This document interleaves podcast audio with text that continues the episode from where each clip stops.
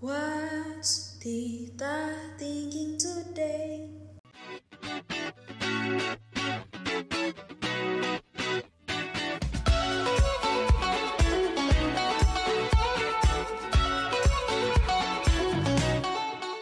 Nabila Glegosip nih Hai Cinggudan, friends, hai kawan-kawan Welcome back to Overthinking with Tita Di mana podcast ini merupakan tempat curhatan hati Satu remaja di ibu kota ini. Gue juga pengen greetings dulu kali ya. Selamat pagi, selamat siang, selamat sore, dan selamat malam Buat kalian semua sayang-sayangnya aku di mana pun kalian berada Terima kasih banget yang sudah menyempatkan waktunya untuk mendengarkan podcast ini di tengah kesibukan-sibukan di duniawi ini. BTW, gue juga pengen ngucapin thank you so much for all your support to me sampai-sampai podcast ini nih ya udah mau berjalan ke episode 2 guys. Gila sih. Kayak gue nggak nyangka aja guys. Yang tadinya podcast ini tuh cuman buat kayak tugas gue doang sebagai wadah ke overthinkingan gue ini sekarang udah kayak mau rutinitas gitu loh guys. Udah mau berjalan ke episode kedua gitu ya. Semoga gue bisa tetap terus podcastnya mengalir layaknya air gitu ya. Bisa mempertahankan ini semua guys. Anyway ini ya gue mau curhat juga nih kalian semua. Ini kemarin itu kan kalian pasti dengar berita lah ya sekolah-sekolah di Jakarta ini bakal ngadain tatap muka nih guys. Gue gitu ya sebagai seorang siswa SMA yang belum pernah ngerasain belajar di sekolah gitu kan pas tahu gitu sekolah bakal tatap muka ya pasti gue jelas-jelas excited parah ya kan. Seneng banget gitu. Eh tapi baru seneng-seneng gue harus dipukul mundur oleh kenyataan bahwa gue baca adanya ditemuin klaster terbaru yang tercipta gara-gara tatap muka ini guys. Wah gila sih. Kayak sedih banget kayak berasa di PHP-in gitu loh sama kenyataan ya kan? Tapi ya itulah namanya kehidupan ya guys. Ya kita nggak bisa mengatur dan merencanakan itu semua gitu. Asik banget. Tapi gue juga berharap buat kalian semua yang sekolahnya udah boleh tatap muka nih ya. Kalian sekarang sudah bisa bertemu dengan teman-teman kalian semua I'm happy for you. Semoga kalian tetap sehat-sehat, aman terus gitu loh ya. Dan kalian bisa menikmati sisa-sisa SMA dengan baik gitu loh ya. Dan buat kalian semua yang masih online, kita harus tetap semongko guys. Nah guys, tanpa harus berbahasa basi lagi, kayaknya kita langsung aja kali ya ke pembahasan kita hari ini.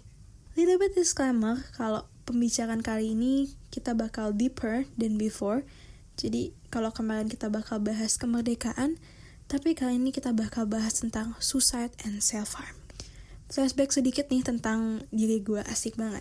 Jadi kemarin itu, tanggal 1 September 2021 merupakan satu hari bersejarah juga gitu bagi hidup gue. Di mana gue terpilih menjadi self-love warrior brand ambassador. Kayak gak pernah terpikirkan sih dari hidup gue gitu ya. Di sela-sela kesibukan gue itu sebagai pelajar, gue bisa menjadi brand ambassador dari self love warrior ini. Gue nggak nyangkanya karena banyak banget pendaftar brand ambassador ini dan mereka juga kayak keren-keren bingo gitu loh. Jadi waktu diumumin tuh berasa kayak nggak nyangka gitu sih.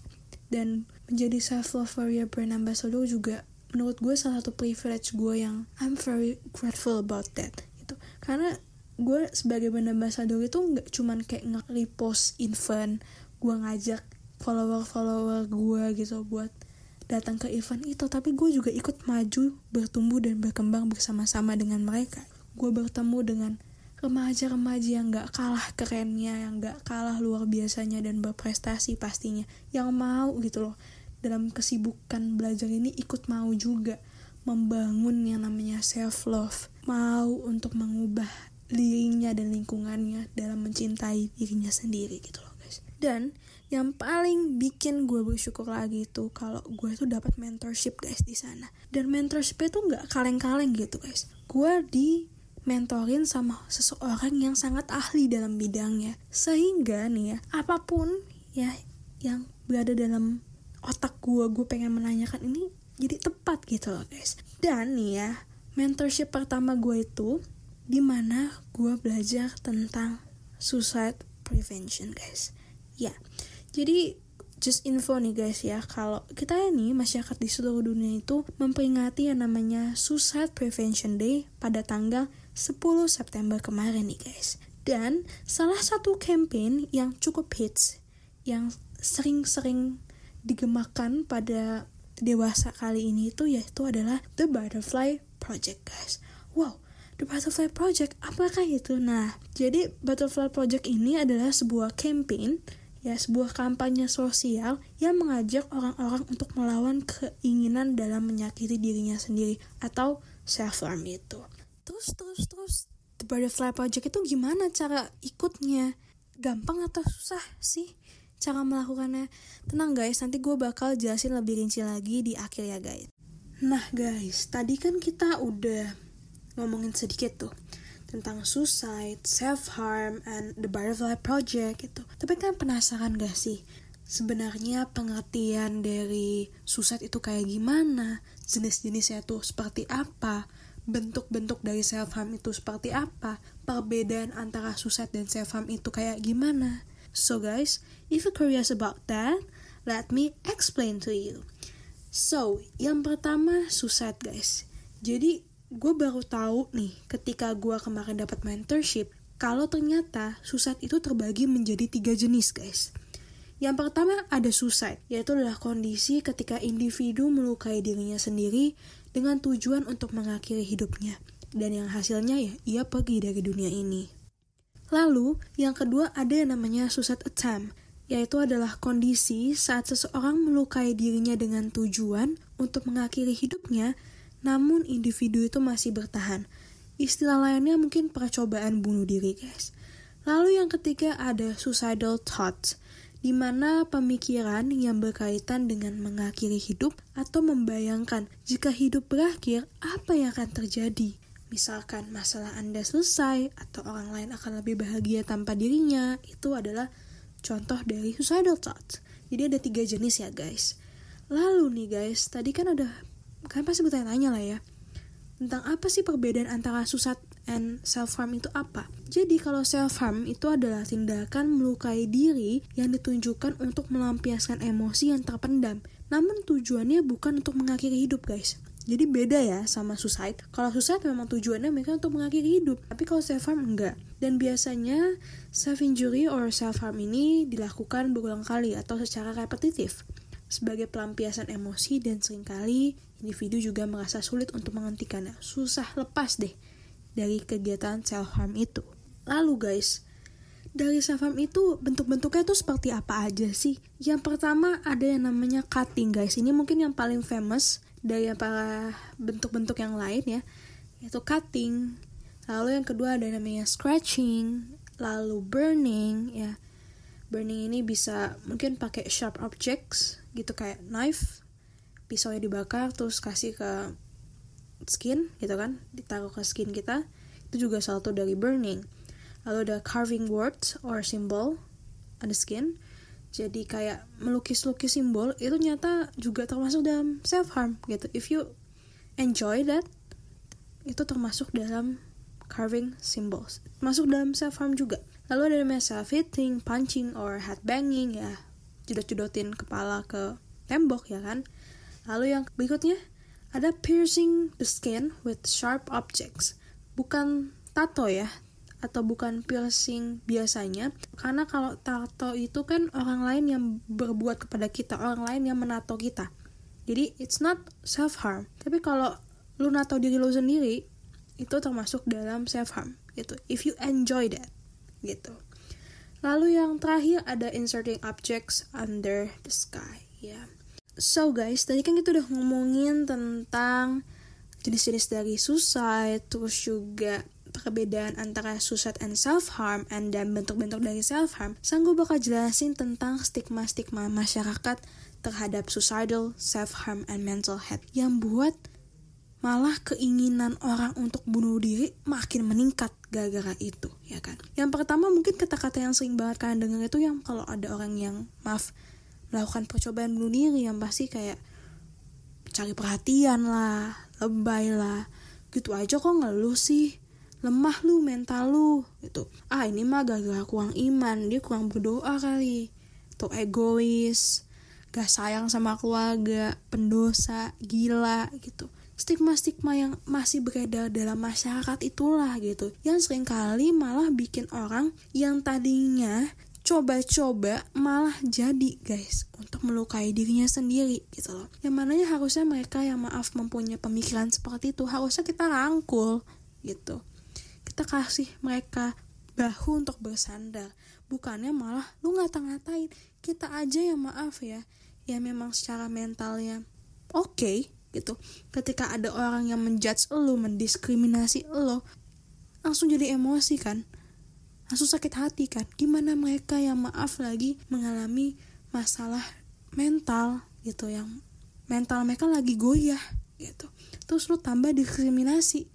Bukannya membantu malah makin parah ya kan guys? Maka dari itu sudah saatnya kita generasi muda wahai bro and sis untuk bisa memecahkan stigma-stigma ini so then tadi ngomongin tentang stigma kenapa sih bisa ada orang yang muncul pemikiran untuk mengakhiri hidupnya? Penyebab-penyebabnya itu apa? Yang pertama ya karena nggak adanya dukungan dari lingkungan dan keluarga terkait gangguan kesehatan mental. Ya tadi udah lagi down, ditambah nggak ada dukungan keluarga, yo makin parah gitu loh. Terus juga kedua adanya pola asuh yang tidak sehat seperti pengabaian dari orang tua, tuntutan tinggi dari orang tua, tidak hadiran orang tua secara emosional, dan kekerasan dalam keluarga. Ini juga so sorry banget untuk mendengarnya. Banyak juga teman-teman di luar sana yang mungkin mengalami hal yang sama. Tidak adanya dukungan secara emosional dalam keluarga ya kan? Mungkin dari kita keluarganya ya cuman hadir doang gitu. Tapi nggak adanya kehadiran emosional di sana. Dan so guys itu juga bisa sebagai bahan refleksi kita untuk ke depannya ketika mungkin kita menjadi orang tua gitu. Bahwa sebenarnya yang dibutuhkan anak itu nggak cuman orang tua yang bisa nyekolahin dia bisa kasih dia makan tapi juga ikut maju dan bertumbuh bersama-sama bisa mendampingi anaknya melalui emosional juga gitu guys. Lalu yang ketiga ada banyaknya mengalami peristiwa negatif dan banyak mengalami banyak kegagalan. Misalkan gagal dalam hal persekolahan, kuliah atau mengalami bullying.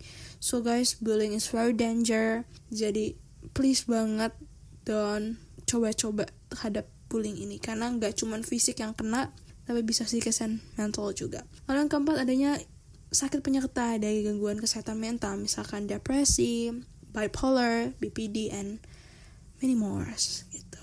Lalu yang kelima, ada yang namanya mengalami peristiwa traumatik gitu. Ini berbeda-beda ya guys, mungkin tiap orang memiliki peristiwa yang tidak mengenakan masing-masing. Dan yang terakhir adanya pengaruh dari zat narkotika dan alkohol. So guys, don't use drug. Oke? Okay? Kembali lagi, gak cuma mempengaruhi ngefly ngefly doang tapi juga bisa memicu suicide juga. Nah lalu kita juga ngomongin tentang ciri-cirinya nih. Ciri-ciri orang yang memiliki pemikiran untuk bunuh diri itu seperti apa sih guys? Ini secara umum ya ini secara general.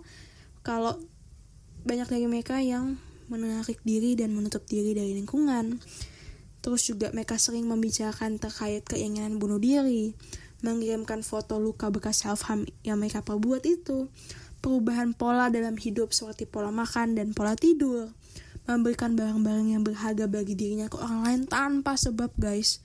Gila sih, kasih emas ke orang lain ya kan. Bisa, bisa banget itu.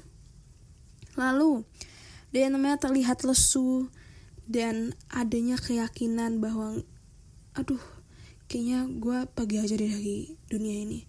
Kayaknya orang-orang bakal nggak apa-apa juga sih nggak ada gue gitu. Gak ada semangat hidup juga gitu loh guys. Lalu seringnya berkata bahwa dirinya adalah beban hidup. Itu dia guys ciri-cirinya. Nah sekarang nih apa yang bisa kita lakukan kalau orang-orang di sekitar kita menunjukkan ciri-ciri seperti berikut gitu? Mungkin keluarga kita atau teman-teman terdekat kita. Yang pertama you have to grow your empathy lu harus tumbuhkan empati dan simpati lu terhadap orang lain. Belajarlah untuk menumbuhkan empati, pasanglah telinga, dan tahanlah diri untuk berkomentar sebelum mendengar. Be a good listener.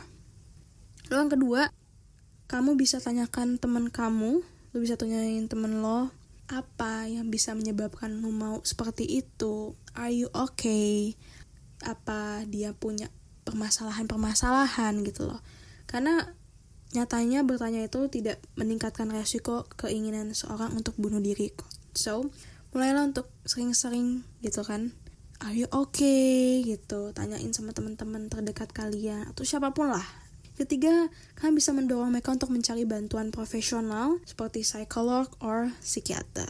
Lalu yang keempat, kuatkan teman ini juga unsur yang paling penting ya kan. Yakinkan teman atau orang yang kamu kenal bahwa keinginan ini bisa berlalu kok. Dan mereka mampu kok untuk melalui keinginan ini serta lu juga harus hadir dan temani mereka saat kondisi-kondisi sulit ini gitu. Lalu yang kelima dan terakhir, berikan kabar beritahukan orang-orang terdekat untuk antisipasi hal-hal yang tidak diinginkan. Ya, you can tell orang tua dari temen lo misalkan kalau memang dia punya ciri-ciri untuk mengakhiri hidupnya supaya mereka lebih anticipate atau mungkin bisa segera membantu memberikan solusi gitu bukannya cepu ya guys tapi lebih kepada kalau amit-amit terjadi kan ya bisa langsung ditangani dengan cepat So, itu dia guys tentang suicide and self-harm. Dan langsung kita next ke The Butterfly Project ini. Wow, pasti kalian tunggu-tunggu ya penjelasan ini. Tapi sebelum itu nih ya, sebelum masuk ke Butterfly Project gitu. Gue pengen jelasin juga nih tentang judul podcast kita kali ini yaitu Nabilo Kloko Sipni yang gue ambil dari bahasa Korea. Ada latar belakangnya nih guys ya. Ini juga berhubungan sama The Butterfly Project ini. Jadi kemarin itu kan uh, dunia perdrakoran kan digemparkan ya oleh Nevertheless. Di mana ada line, satu line yang jadi favorit orang-orang banyak juga yang berisikan si Park Jeon ini ngomong ke nabinya ya pasangan dia di situ ya bahwa dia pengen istilahnya flirting gitu ya yang bunyinya kayak gini nih nabi bolo kale itu sorry banget my pronunciation it's very bad untuk bahasa Korea tapi ya pokoknya intinya ya kayak gitulah ya. Nah maka dari itu gue terinspirasi gitu loh. Ngomongin tentang The Butterfly Project ini wah nabi juga kan. Dalam Korea nabi itu kan kupu-kupu ya kan? Kenapa kita nggak kasih tagline juga yang eye catching gitu lah? Makanya Nabilo Lego Sipni yang artinya apakah kamu mau menggambar kupu-kupu gitu loh guys. Karena menggambar kupu-kupu di tangan kamu itu juga termasuk dari The Butterfly Project ini. Nah cara dari The Butterfly Project ini, kalau kamu memang lagi ada masalah, dorongan kamu kuat terhadap self-harm, kamu bisa menggambar kupu-kupu di pergelangan tangan menggunakan spidol warna dan lakukan ya tadi lakukan ketika kamu memiliki dorongan untuk menyakiti diri sendiri. Gitu.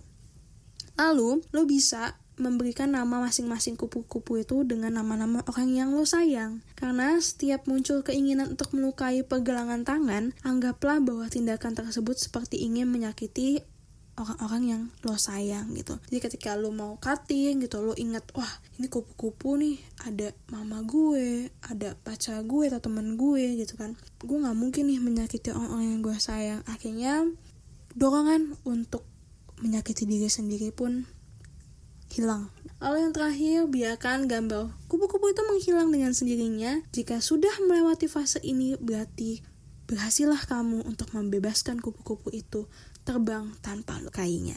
So, itu dia guys, metamorfosis dari kupu-kupu or the butterfly project ini. Itu dia beberapa cara yang bisa lo ambil ketika dorongan untuk melukai diri lo sendiri muncul. And then guys, I wanna give you a recommendation juga tentang sebuah lagu yang sukses banget bikin gue nyaman dan damai ketika gue lagi overwhelming dan overthinking parah.